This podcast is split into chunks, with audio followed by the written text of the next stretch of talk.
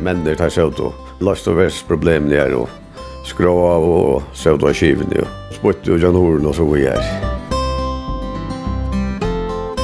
Og henne reaksjon var til det vi kjørte. Men hun ble så langt vant glad for det. Men nå er vi så alt ferdig hjemme. Ein gav å lære meg mestavers hva det er til YouTube. Det var så akkurat skal halda hjertet og hvordan skal gjøre og alt det der er.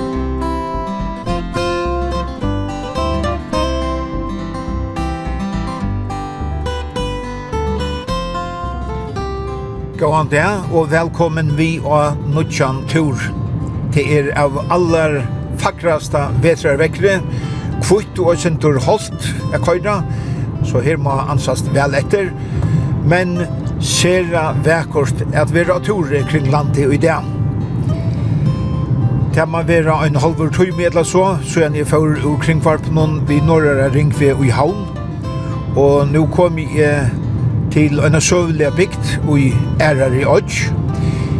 Her boe til dømes en kjent prestakona, og jeg har vært kjent for nekva anna enn Tagaua.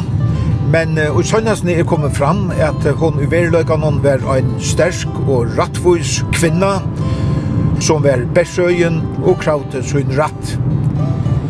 Tæver kortene ikke prestakonna Banto vidfæra at løysa av hessenturen Men her er møte en gamlan bøyling, og i bygden i Herpointa var prestakona. Hette er ui Vavon, jeg kommer nå til Mivox, og første bøylingeren ui Mivaje er lukka som åman for landsveien. Og nian etter, og du kan komme til han fra Trimon Søyen etter Trimon Vevon, du kan streia til høkro av Kiljanese, og Og du kan ståsne dreie til høyre og point at han har Edlesheime. Og du kan ståsne dreie vi prestakæren som er gjerne nå. Hette er vi Tauri og Tauri og i noen oppe i huset og i Møvaie.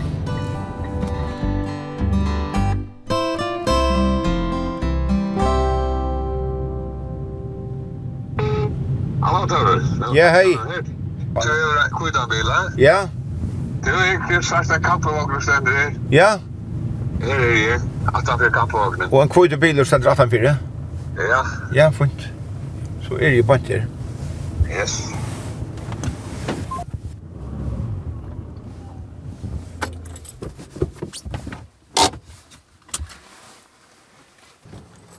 Å, oh, ja.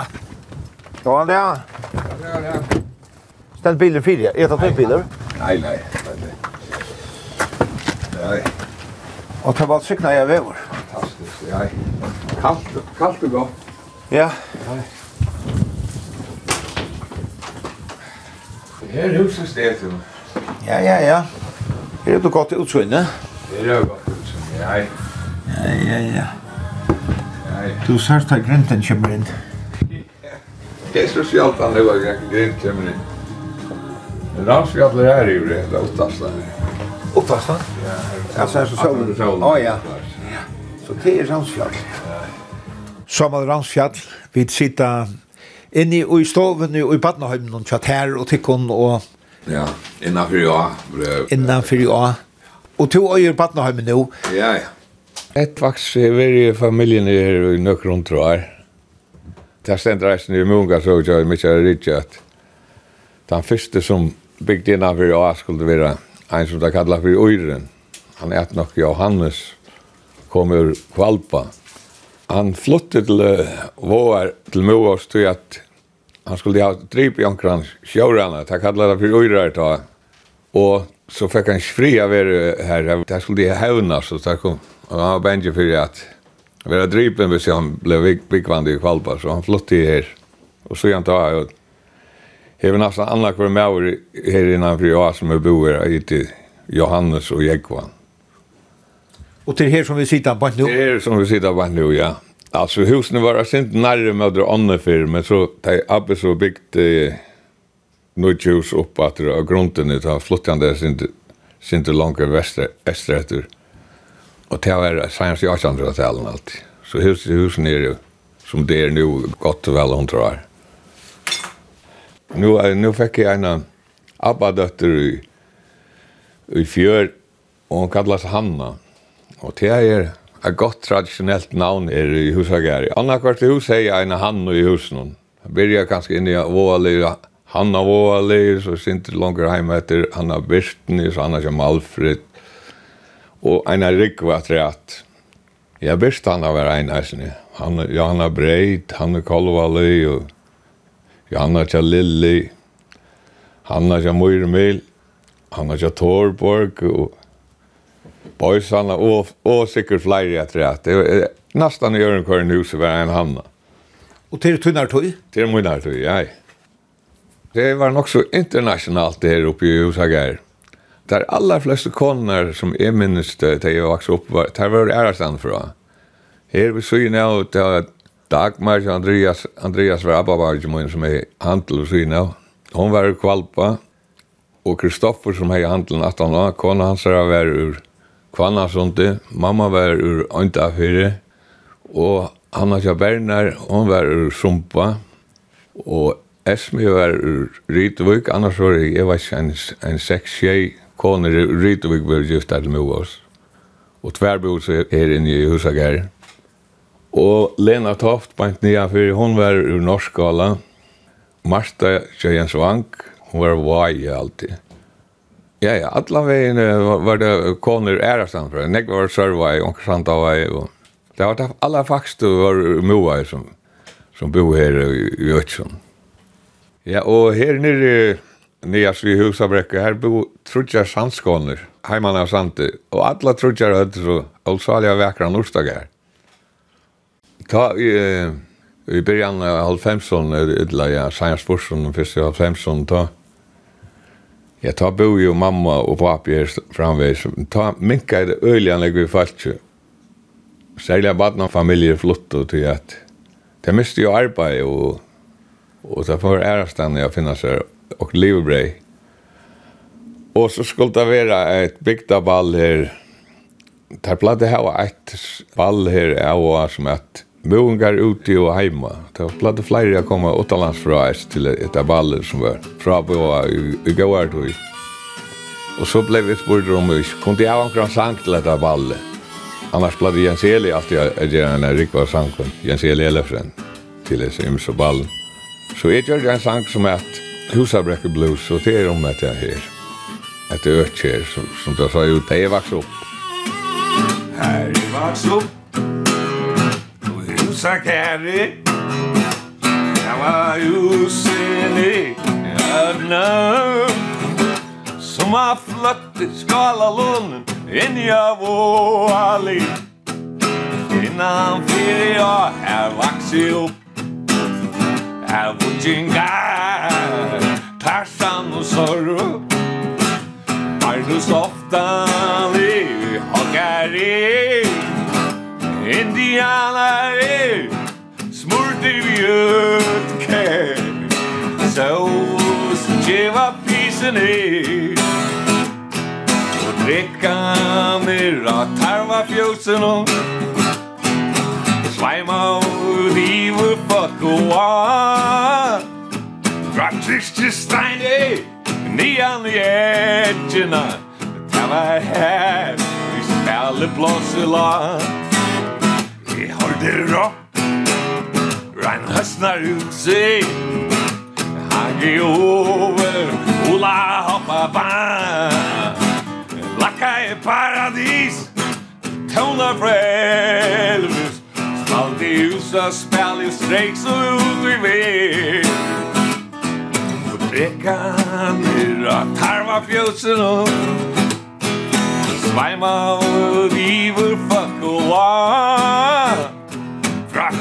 steini Nian i edgina Nå er her Du spiller blås i lag Oppmar Ransfjall, nå sitter vi i Badnahøymen og tjater her oppe i huset. Og vi så ikke mynd av Husa Frensson. For noen år så siden samlet du uh, Husa Dranger, eller som tar vi over Dranger i tunnere tog Ja. Hvordan kom til å ville? Ja, det er ut ved fem år siden akkurat nå. Hoskottet til spratt bort til Sanjun og Samal. Her er vokst opp i Husa Gær. Samal synker uh, om Løyve som smadronker i Husa Gær, og han kommer rettelig vel rundt. Bæg fra fjørene og foran igjen i etkjene. Og teker til vi som var vanlig ta. Så smadronker finner oss vi. Og gjør han stedet. Det var en, en avmyndelig uh, livande vandommer Det allt var ute alltid man var jag inne till daglig så det var något att finna på att det var något jag tror jag och var en rik var som att rönja. Så är helt att det kunde vara hon alldeles vid alla smadrönger som var fötter och är en nöjande och trusch saunaost upp i Husagari och sände så en inbjöden gott och det var rättligen några som meldade till. Och vi väntar så vi hade varit omlai fjörde smadrönger som saunaost. Vi börjar av morgonen eh, 11 eller 12 da vi nok her alla. Vi er en morgen med at på att vi såg när vi innan vi var här var en, en gammal handel som heter Andreas. Det er så jag skulle sett just nu men det var så vinnarligt att jag lov å kunne lämna stovene. Og stovan det var akkurat her som handeln var. Så morgenen han började vi minnen om beina veien. Nu går sig handeln var. Så här oss det ofta? Ja, ja, ja. Här samlas det eh, nega fötjon og pjusagare, men det tar sig ut och har løst och värst problem där og skrå och søvd och kiven jo. Och spurt och Jan Horen og så vidare. Det var samlades där. Och så var vi smadra i droftan in där. Så vi fick också en morgon med alla där. Och det var beina veien att, uh, att alle kom atter ut av gamla läge. Alltså tilkomne menn som inte hade säga kvann annan i fjörd jag är. Det var som om det hade att söka någon annan jar. Og var beina vägen av linje at. Det var otroligt til å uppleva det må jeg si. Och då är det så att vi är här och finns jag kan morgonbita så förut ut av Vitsa støyene. Här vi platt att spela och färast. En tur ni tror här mer. her. som har platt ved att jeg var hot og jeg var sägen gang oppe i Hamron. Och i geilen er man spalte båt. At her var fjärson er man platt ved att sende dreker. Og man drøg noen uh, tonnevägen. og hokker noen her man pladde bergas og, og fektast. Og så var man drøg en av bakka, her som man pladde spela i fjörene. Och en av kyrkjestein. Og ta så klokka var blivit om lej, två tror jag. Så förde han turen av vidja skolan så at uh, skolan var jo en part av baddemonast. Det var rettelig rättligt ja, det var flere av dem som hadde vært i skolan at efter sedan förr i skolan så tjejer och kända flott. Det var nok så stortlet å oppleve. Så vidt jeg reiste Krukshavnen, at det var jo bare at det var krutje at, at flere av dem vokste opp, så at det var rett og slett på han har henspardi, og her var rett og slett grønns, men så man visste jeg som søver fra tog til. Og en kveld så sann han så til en bit er som søver ble fortalt her til den lyse morgen. En oalmyntelig hun har livet av, så rygger jeg vel. Jeg så også om, om man skulle kanskje tidligere opp etter, men kanskje i sitt større formater. Så jeg omvokste omhugsa for å savne Møvengar, Arne og John Rolfjers, Møvengar Strønger. Det var ikke riktig grunn av alt at det bare mannfolk som er sammen. Hun er latt, og prater ganger av myndelig latt. Når blir det? Ja, så blir det om et år, så skal jeg hvis det blir. Man skal jo tog at jeg planlegger det. Men hvor er ikke kjent denne røsene? Det er at kvinner er heller så av myndelig enn jeg sånne medlemmer det är bara kvinnorenning och kvinnohetta och kvinnohatta så att och det här är ganska det. Men uh, jag har inte männer är alltså du läsare så har vi konar i kyrvi. Så jag visar sig att jag är så mer fralser och fröjer. Så pratar jag inte lättare. Det är alltid. Man lärer så gnägg var att att att styra så här kanske och inte säga när man finns ju några old boy runt och så vidare. Att man inte ska säga imest. Ja, ett som jeg minns særlig vel, till var att uh, her oppe i huset, her er det lika som det fem atter, akkurat som skotska klaner. Vi har oversleie, bistesleie, lånasleie, mursleie och byrjasleie som är det huvudsattna. Och man visste lika som hver man hørte till, hver at vi hørte till. Och så, så blev vi bantar gjørter, som hørte samman som nøkkelånta. Det var jaunarna man krutjäist och det var största allt där som var parst i mötet. Så minns jag för att man hej lycka till större bara det att han skulle gå för knoppan om man för pressa gärn. Och det blev annonserat gå här till att uh, nu är det bara det om två dagar. Och så blev allt smadrangen sett det att uh, små jag upp. Det man skulle vara väl utgjord att ta bara den skulle stanna. Och så ett av klockor slett uh, så möttes man till bara det. Jag minns, jag var så lytel till till tandbarden. Jag har varit om det åtta år så... Jag slapp bara vara vapna bärare. Det var några annars stod front, så skulle det bara rätta dem som var så kvar som hinner brottna. Men var det en enda nok så brottelig, att vi hade en av åkare han kom till att bråta svøret så hövdungen i hinne pastorn. Och hövdungen ble så over att han förrännade etter det ner och han ända så nere i fjören att han någon Og och ta i hövdungen var harven så gå hinne så över så. Så det var inte av hese mycket som. Så alltså till Bartos Alltså innan huset så i boilingen, alltså ofta hör man att till boilingar som bergas med för nörren. Ja ja, vi bara så sägs innan huset, men uh, så hade vi ju en felaks function att det var tajvi kyrkjer. Då vi skulle bergas med kyrkja fränsen, ta saunas alla husa fränsen samman. Och han bara tänk ofta stå han om om Elsa när nere vi kyrkjer. Det var nog så jaunarna var bara just. Och vanligt var inte att en husadronk för att kyrkja till eller en kyrkja för att husa till under. Men det har bröttes också när jag i skolan kom. Då blev allt mer felaks. Eisne, vi var ju en samtalsing. Felakskolan, det är det jag Men det nya sant, här kunde vi gott för oss att lugga. Det här var lugga som en avmilitariserad geila. Og vi har æra bøylingar, vi kör vi eierstofter og ritsjer, men her var ritsjer bjøyes ned. Bare det. Det var mest kyrkjafrensar og husafrensar som strutust. og vær så nekkar vinnare og nekkar tapare? Alltså vi i huset är väl så jag väl manna är så att det var en hoppare som var dragit. Och så att vi var ju stora ut här så är hade så mycket som är med det så vunnit vi nästan allt. Men Ja, men har vunnit bara det så var det här. Så från det bli utsatt. Du spärle blås i lag Du nejtne belja Oppe vi Borstrig Her er spärle bort i geila helen och og tramri Er fjöllene tjinti Ekka var råpen i framma med lån Kallir innan Norge färn i sövna Talvan som gav husa fötter på Og er stand i er Tömmer man öllena Akvallt du i dimme Og i husa gärgen och Ja, her stand jeg Tømme meg røllene Det finnes Vi huset jeg gæren og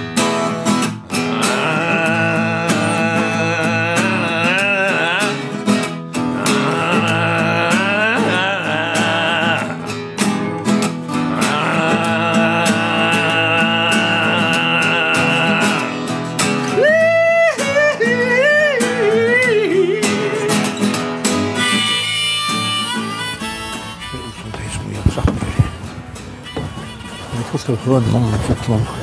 Ja.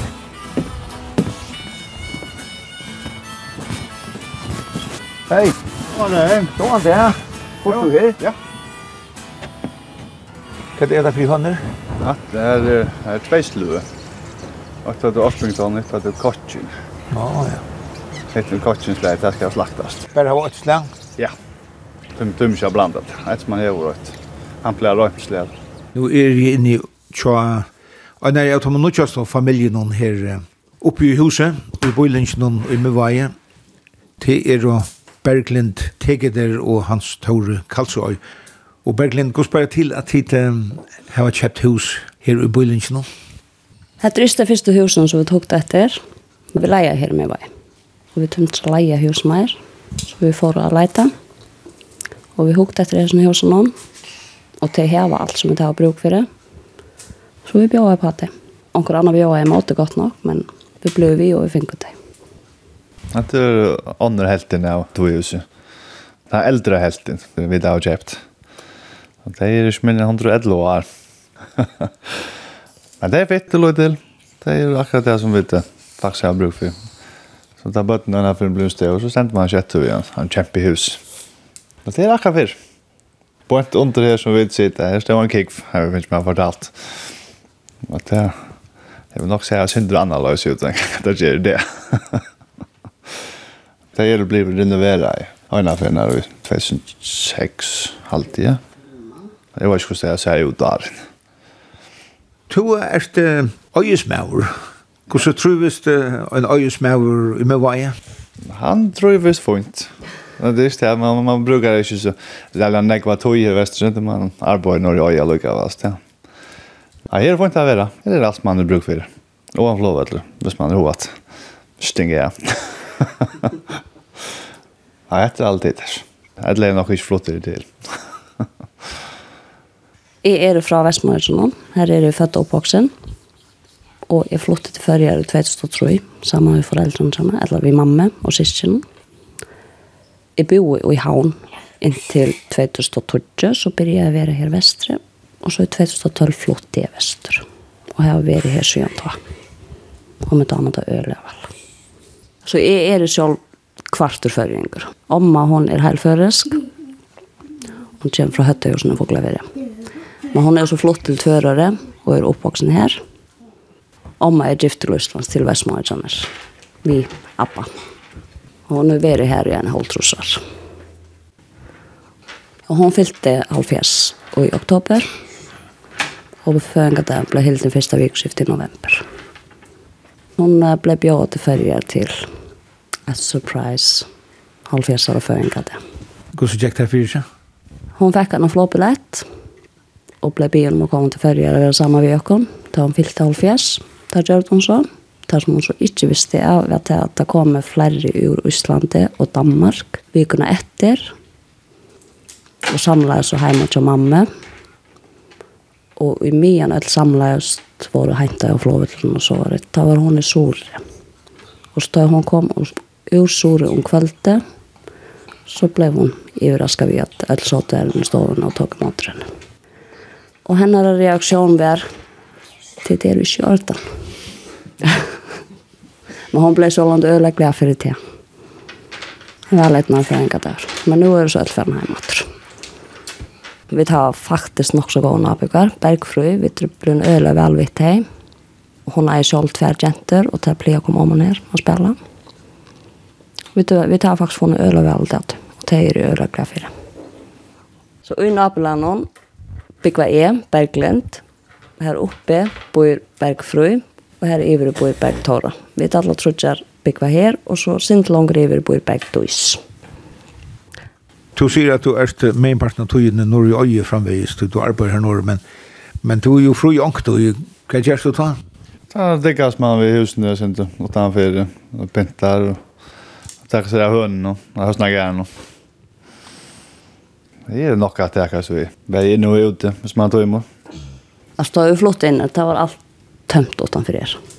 Det var bare bøver, og ikke mer. Alt som er utenfor det har vi gjort. Ja. Og nå har vi hållit vi å ta någon grunn nere her oppe, som er en gammel kjattler. Og hun skal så bli til et parkeringsplass. Vi tar inte privat parkeringsplass. parkeringsplats. har vi råkere private parkeringsplass. Vi tar två bilar så det är nøye til parkeringsplass. I arbeidet ute av flådlen, leier biler ut til en nekvardera her. Så bilutløyene er, er nekvaksen? Jeg har vært her i tve år. Det er ikke så nekvaksen siden jeg begynte. Men den som jeg arbeider sammen med, hun har vært nekk langere ned, og hun føler stor om hun selv. Her er nekk voksen. Hun klarer jeg en av vike selv, jeg vil ensom til arbeids, men det klarer hun ikke mer. Det er det som jeg kvarterer. Og tog er jeg ansett. Og køyre i midtelen med hva og øye, det er jo ikke nekk å passe? Nei, det er en venn av seg. Det er ikke langere enn å køyre fra øye til havnet. Det er 14 minutter, 45 minutter av køyre. Det er ikke. Jeg arbeider av en fiskhavelse en landing er mist. Her er det nok jeg gjør. Ta varer over ned. Ta kvar fjøl for utan året har jeg for å prøve. Ta gang til ofte ut i nettene. Lengt utan natten. Så må man herja etter morgen. Det er en sånn lutt sesong. Det er lukket fra februar, halvan april. Hvis det er så i år. her är nog ömmigare. Nu man tar så som jag om om en den öle fiskeskapen som alla har haft var den av norrhavnen i år. Ja. Det är fiskradlastan. Det är faktiskt bara kasta i havet så du ska nog få åkst. Det är ekva med har haft rekordår. Det är öle fiskor till. Alla stan. Ja ja, så ser man om tid, så ser det ut som tid truvas her uppe i huset i med veien. Ja, det er gjør vi helt bestemt. Det er veldig til å være. Ja, med damer til Øløvalp. Jeg ferdig ånka vi.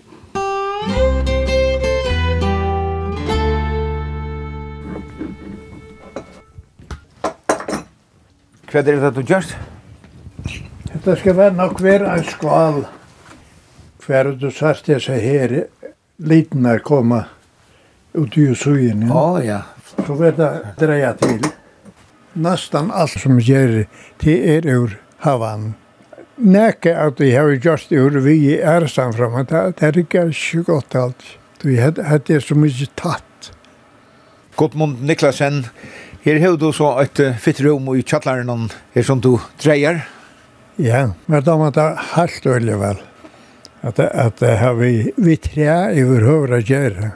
Nå har vi vært av kontor i alt mot løyve. Ja Og hva har man det beste at rea? Hva er loter vil du få ja, bort ur? Ja, det er det mest sånne skaller, eller jeg vet ikke hva jeg kaller det her, det barker rundan om alle veier. Ja, ja, ja. Tørte meg for edja bøger, gjør det meg opp. Det er nok så fytt. Ja, ja. ja. Og så er det salt kør, det er så smått det til åttan det løyber av og så gjør man også så smått. Salt kør. Så hette er godt at heva, som man sier, tar man kommer opp i Arne? Ja, tror jeg, altså, jeg har ikke kunnet sitte i og stovene hukte og sømmer, eller skrive, eller også, det er jeg slett ikke kunnet. Jeg må ut, jeg skal alltid ut. Inni trus, det slett ikke. Så det var å finne på åker, og man dømte vel tre, og så var det der vi for å karve alle greinene, eller trøyene nye. Ja, hva skulle gjøre vitt, at det synda ble det vekk. Så var det fannet på det, og så enda vi kjøpte en bok. Men det kom etter hånden. En, en gav å lære lærmest av hva det er, til YouTube. Å ja. Til Det beste best lærer man sånn. Her stender akkurat av vise og hvordan skal halda hjerten og hvordan skal gjøre og alt det der er. Her lærte jeg det. Men det gikk bare for ikke alltid. Du er fyrir fyrst er gammal nu, så jeg kan huske meg at det er områdande jeg har akkurat uh, a fedla atro at man kommer opp i arne, er det ikke det? Ja, jo, jo, det er alt det man skal læra. Jeg hadde meg vikna nekve som har bare sitt. Nei, det er ut av genka og gjerne nekka fjasa. Man er, er byrgar i halt. Så er det sug ut. Så er det godt vi rom i eisen. Og godt månd her innanfyr hever du uh, nekva mynter av seie. Du hever kjive bauk ut om seia liter i fargen. Ja. Yeah. Hvordan fikk du til hoskolten? Vi sier aldri. Så jeg var, jeg var sjåblur uh, seiamauer, og ta jeg var ble byen til man. ta kjente jeg ångan litt, altså. Så jeg måtte for læra meg, og jeg spurte, og jeg vet ikke, ta jeg forklara alt hvordan det var, men jeg hadde jeg misforstått det helt øyelig av han. Så tenkte jeg, då jag så för täcka buglet där att han så så så för jag spelja. Jeg vet ikke, det var ikke så länge tog og så ena så så fann jeg på att det tog näck og och säger liten og så för rundt forskjellige sann i fyrjun. Og tog jeg tomten så at uh, det kan ikke alle nevne at det er forskjellig. Det må være en, en måte jeg sier det på. Nei, jeg ble kjørt klokker det var nek matar å sikkert det samme på. Så det ble nek forskjellige lite, men allikevel, jeg fikk alltid nok så nek samla sås hvor det er, eller hva slet det er. Alt som vi kallar det megagolt. Det er nesten bare her, og jeg alltid har hørt det velpast det, som det kallar det. Gulut kallar det, enn jeg, eller gulmøvut. Gulet Jeg halte at rette navnet er gullmøvel. Så det tror jeg vidt at han er sikkert ivsetta til mea gulta, gullmøvel. Hvordan jeg høyti er det så? Altså hvordan jeg liter er det så? Ja. Jeg er klar i det, men i bøkken har vi halte en 300 mynter. Det er nek mer liter enn det. Altså heiti. At det er at Du sier han, han er, er baglytteren. Men så er det kvett, hva lite er det? Det, det sier man som regel ikke. Altså svart, det er ofte bare litt. Han baglytteren. Men er han så graver om han, så må han sige det. Og er han så mørre i det literen her. Altså, ta ene literen kan kanskje blive til fyra. Så hvis man skal ganga det opp. Og jeg vet så hvordan jeg bøker skal kjøpe, og jeg vet ikke, det enda vi smekker til 1500. Det er sånn at jeg vet ikke om selv. Men jeg fikk så 1600, og det er ikke nettopp det. ja. Hette er husagærer, ja. Husagærer er nek brøtter og tunnar tog. Åka vekk, ja. Det var så forferdelig nek bøtten da jeg var omkring. Og dette er det runding her. Og jeg har kallet husen her runding. Ja, da kommer mennene alltid her. Og er ikke over alltid. Da det var litt når jeg gjør neitun, av mjölka, søpa. Så enda der er runding. Stod og pratt av. Jeg er fra her, ja. Ja. Så måtte jeg fære til dette og at Nå må jeg fære til torvet. Hva er det våre evne til å prate om? Jeg vet ikke. Nå lustar man ikke å nekta man smadra om hva det vet jeg snakka om. Men hva tungt det er å si om henne med den. Det er nek prat om seien og hvordan han vær og alt. Det er akkurat vi.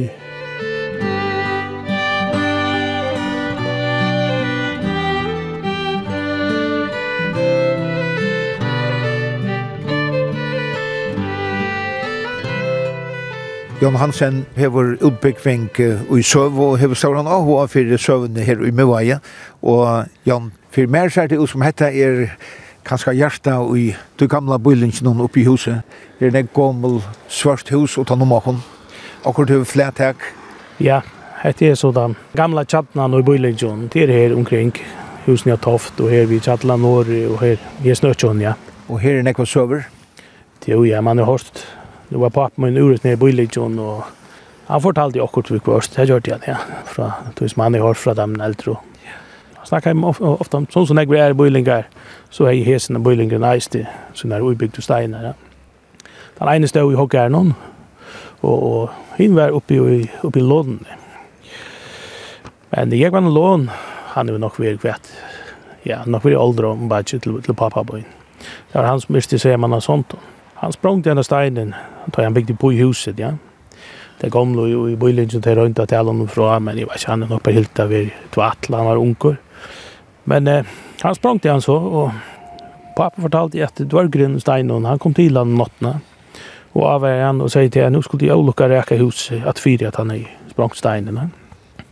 Og ikke var det, så ble det, ja. Jeg var, han var unger og ryker og rasker, vi gav en skaldagavn, Han var altså første med som spalte violin i bygdene.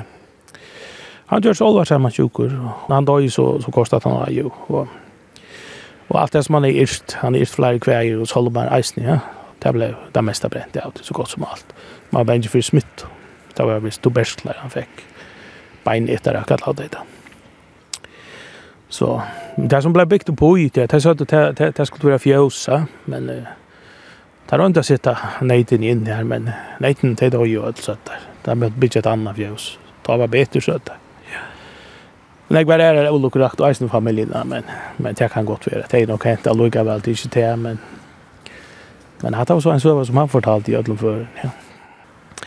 Det var et annet særlig til Bøylegion her, det er at det er flere hus, av de gamle husene her som har haft toft i enda, i enda navnene, noen, ja kan nevne akkurat Dirra Toft, Bidle Toft, Stolars Toft, Bedde Toft, Gamla Toft, og så Tofta.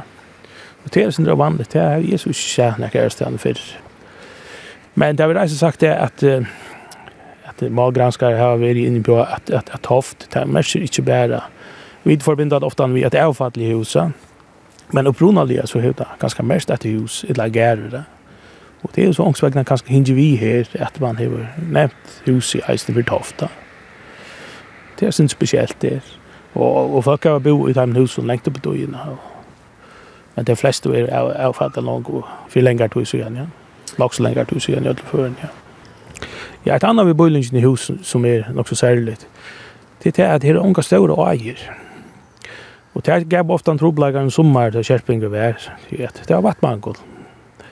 Og vad skulle jo til alt mulig for det Det vet jeg, vet skal ska ta som man sier, en nice ny där. Men det var pura vanligt att jag kom först i bylingen och bart och stod vatten og jag her i bylingen og först. Og när den gamle sier det at jag var ikke inte ordentligt sommar vi skulle först spart och stod vatten og i om det. Det er veldig stått litt tog oss så där. Tar her, har vi ikke hørt så mycket om i förrgon. Nei, det hadde jeg snakket som jeg har hørt ærestene fra. Det er at ofte er litt av bøylingene så løs at uh, at det går vara AI ved søgene av. men uh, det meste av tog har AI när givet nok av vattnet men det er jo særlig være ta jo i timen torre periode men så han tar det bjød ikke for så grula lenge for å få vatten så det står her AI langer hjemme med bygden ja Så det blir en livande bøylinger? Ja, det er så helt sikkert at uh, at det blir en, en livande bøylinger. Det er ikke i hva stod i, det er en av de helt gamle bøylingene med AI. Vi så ikke at, at han skrasetter og gjør bøgene fra 1544, så det er reist en sak som sier til at, at bønner skal ha vært i, i bøylingen og gamle døve. Smia skal leisne ha vært her. Han nevnte just her Alda Birkjån, smiren. Han smia i mittel anna hongslen til det gamle kyrkene med vei. Det var nekker handlare i, i, i bøylingen. Jeg kjente altså, det var nok Tantja Andreas og Tantja Hansen Nikloa. Kloa, Jeg bøker seg han var av loften handlun, handelen til Kjeppmann og Hans Nikloa. Og skolever hvis det var i, så ut som jeg var, i tveimen husen der oppe. Så den helt og 1800-talen, nesten. Men papen min, han fortalte at Abbesøyen, han, han tjekker skola i Kjattlaren og husen Nattoft.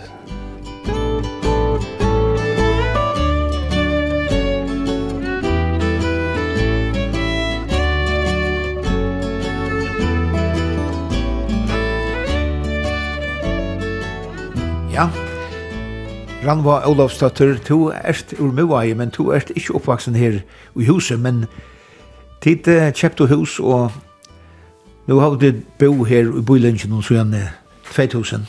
Ja, vi uh, atle åkna flytta atter til bygdena og, og leida etter en husen. Og så tar jeg hese jeg kom til Søl, og så, så slørte vi til. Og det har vi ikke enkret. Alltså husen är och från Holtrysjnon och, och här var inte just så gärna det blev byggt. Så ta första året det för vi att, att köra i stand och och ta i till så var det så flyttade vi in och, i februari månad och i 2000.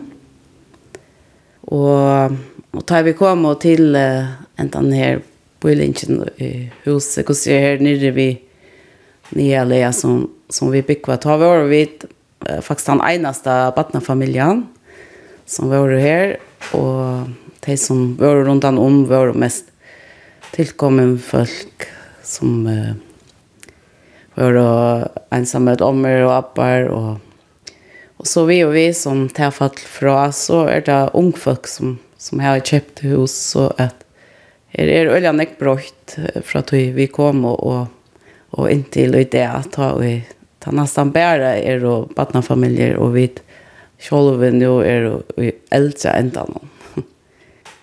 Men um, alltså husen är och gammal här inne och och och styckene som det standa är inte gjort till bilar. Så här här är öliga trångt. Det gör så att det ser man att, att man kanske inte kan köra så kött men Men det kan nästan kött bli farligt vid att bötgänka med mittlen bilarna och inte sucha så väl. Vi tar var en störst arbetsplats på vi som är Ettlesheimö. Och så är skolan här som det kör skolabötten ja, och så kommer alltså öll färslan kommer akkurat som fram vi här. Så här är är öliga nek färsla sälja ta om uh, morgenen og, og setna parster. Så jeg halte, ja, veveren er ikke ordentlig gjørt til alle, alle de ferslene som nå er, er blevet her inne i, i huset. Hvordan rikker det? Ja, det er ringt å slippe av i bilene reisen hvis man har føringer det her, og det her er jo helt ikke, ikke ordentlig plass for jeg gjør det stør allmenn parkeringsplass. Og. Men jeg halte, altså, det er utrolig godt grannene og, og, og folk er og har förståelse för det. Att det stannar ofta bilar ute av vet och man kör sin tur zigzag eller man håller det av till. Det här gånger i ötlån gåen, men, men man kunde ganska huxa så här att, att det blev en, en annan utköring av vägen som gick ut av husvägen Så att, att, att Färsland inte var så nekv akkurat här. Så att det kommer akkurat som, som nekv väger och i en Det är det sorts knutapunkt. Så ferslan og jøkland bøylingen her er og stor? Ja, hon er helt avgjør for stor til, til tarveiner som, som er i det. Og, og det er, at tog bøylingen er så gammel, så er det nekver små veier som så kommer ut av en den er veien som ikke er noe større til at det er ferslan og at det er bilene som er i, i hver hus i det. Hever kommunen nekra atlan om at betra teg vi i skiftene? Ja, vi tar var alltid samla underskrifter inn, og, og gjørst varst vi okkara onøkt, vet ikke om man kan kalla det, men, men ja, at det ikke er noe godt, men jeg halte ikke til fyrligger noe utøkelig atlan, jeg gosser ikke i brei at, at nekka vi gjørst vi til, ikke, ikke mer vidant. Og så er øysene mitt her i, i hjertan i politikken. Her er jo øysene, anker vever er avbråten, så ikke, og anker er øynveies øysene, ja. Det kan være sinte vidlingasamt samt man kommer fremmantor. Ja, altså vi tar jo uh, Kolval og SMP-ver her, og, og det er ofte ringt til turisterne finna, finna nian her, og, og ikke minst å finna utdatter, tror jeg at husabrekkan er avbrotten, og årgøtta er einsrettet, så Så öll färslan för ut uh, akkurat som i samma sted. Så tid etterlysa at uh, det kan skal være en holdarlåsen for første minstri i bøylingen. Ja, det har vært virkelig deilig at det ble, vene ble alle større sinter. Bare for dere som bor her, og eisen for de som, som arbeider og, og være nøyta køyre enda vi en kvend, ja. Nå sier du at tid har vært samla underskrifter inn, men her det så vurst av omkring løsning som kommunen kan teka til sin. Ja, så vi det her var med til andre samla underskrifter för jag får det att öppna husabräck och att det går ser att att hon vill envis så att kan täcka sin jag trusten någon fram vi här men det är så inte inte hänt ens. Jag vet inte själva det är för Atlant här här var för framtiden men där kan man så bara glädjas om att att hos husnir små här att at ung folk vi bøtt bøtten hon har hoa kjeipa det allikevel så at at det er ververande lov og, og bøylunchen hon helter enn at husene standa til om med en person av årene når vi har kjøpt opp som sommerhus. Og jeg har alltid eisen i at uh, det blir rettelig kjøtt selv da det kommer til Søl og her. Og det er å selge ungfolk her ur bygdene som, som kjøper husene, men det er eisen i eisne ånder som, som ikke beinleis hava tilknyttet, som, som flyter henta veien. Og, og det er en god tendens er alltid, tror jeg at uh, Jeg har alltid mye er, er kjent for det å være en sånn bygd her. Her det er vi er tidlig vel i møte dem som kommer til bygdene, og her vil der gå vi, vi de som, som er her.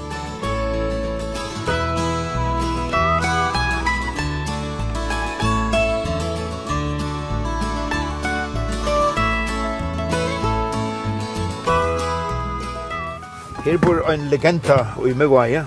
Det var tås om MP og fotbolt i Møgvaie i Vavon.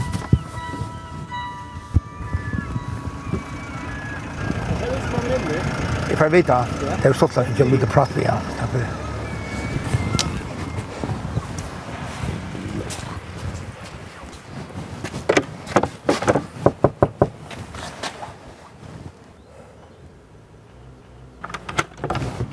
Ja. Kom an der. Kom der. Jeg kan svare meget. Ja. Kom der, kom der. Mikrofon. Nu kan jeg det er bolle, ja. Vi skal ikke det med. Jo, nei, jeg er i Bullinsmann her og. Ja, jeg kjenner til vel. Oppe i huset, ja. Ja.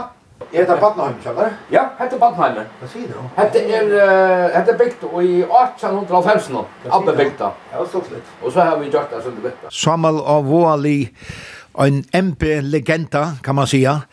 Du var nek framme i fotboll og et vilja sjåter av vøtlen noen tantøyda vær, og det ser ut for mer som du er sjåter framvegis.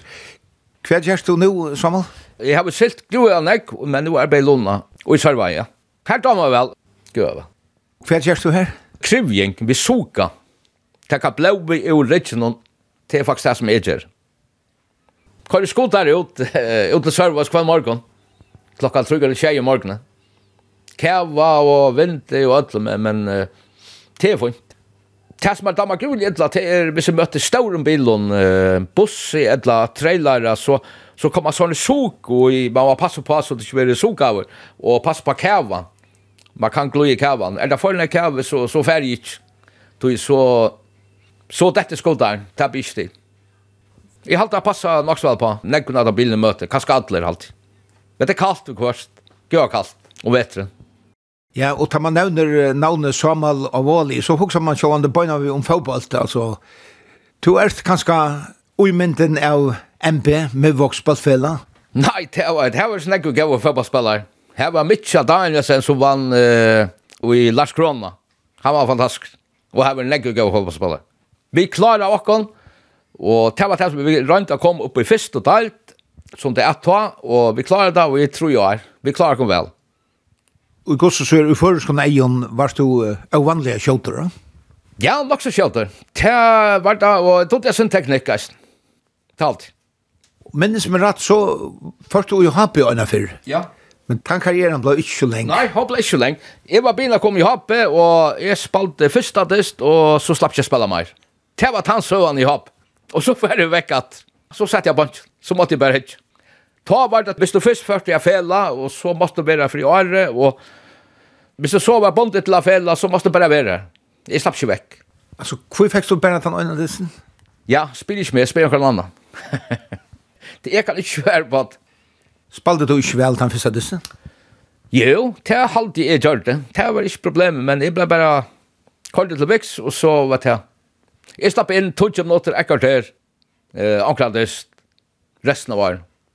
Så det er, det var ikke særlig litt. Jeg vil si at det var et år, bortsett ur, mine fabbasliv, sier det så. Nå er døven, er det nekver unge mann som løyda seg av landen han spiller fotball. Om du har vært unger i det, hei du rønt fotballsetten av omkring Ernstad i Østning, utenlands kanskje? Altså, det er minnes vel ta, ta var det de Henrik Thomsen og Abraham Hansen, tar for og, og sparka og åttalanda tabbar nokku nirju i sunnen Ørendon, skola Ørendon, og klara det vel. Men affæra nyer og, og sovle, det det var bare en dreimer halt. Til mølle, hvis man fikk arbeid nirri, eller fjord nirri a läsa så, så er man kanska rønt her. Det var ikke nekka man streba i etter, vil jeg si. Og Samuel, du bort i Badenheimen her. Ja. Altså, er dette avålig? Ja, dette er avålig, ja. Det er å trutja lier her oppe, og Etta mittast og halde eit vålig. Hva gjør du annars i frutøyene nå? Til, uh, ja, jeg er nekva nett noen og telve og rann jeg spela sudoku og så jeg begynt å spela bridge, at jeg spela fyrr og så er talfella jo i Santavai, til rann jeg færa til eisne.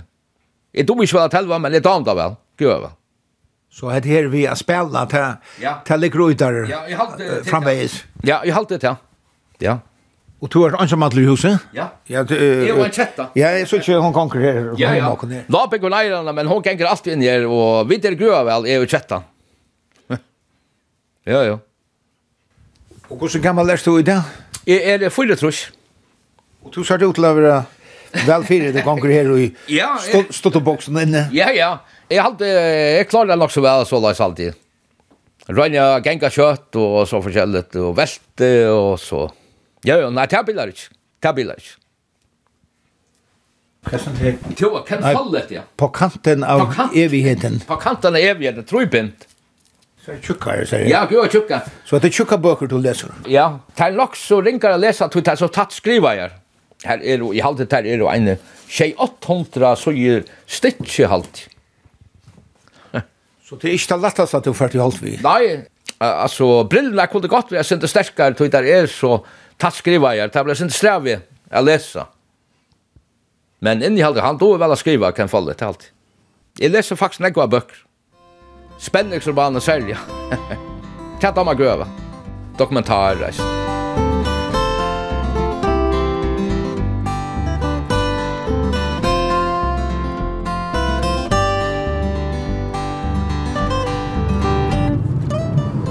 Hetta verður so bøylingren uppi í huset og í Mivaje. Og hua verst at vitja hentan gamla bøylingen her øsne unkar familjur trúvast vel. Sendingen er atter i utvarpnum torsdag klokkan 11 og leierdag klokkan 4 og hon er øsne av heimasugene tja kringvartnum skriva kvf.fo framskak tt og tilbyr øsne at høyre henne som podcast. Vi Tauri og Turi hever Østene Sujo av Facebook. Du er velkommen at dame henne, så sørst du middelen anna mynter fra Heson og Øron Toron.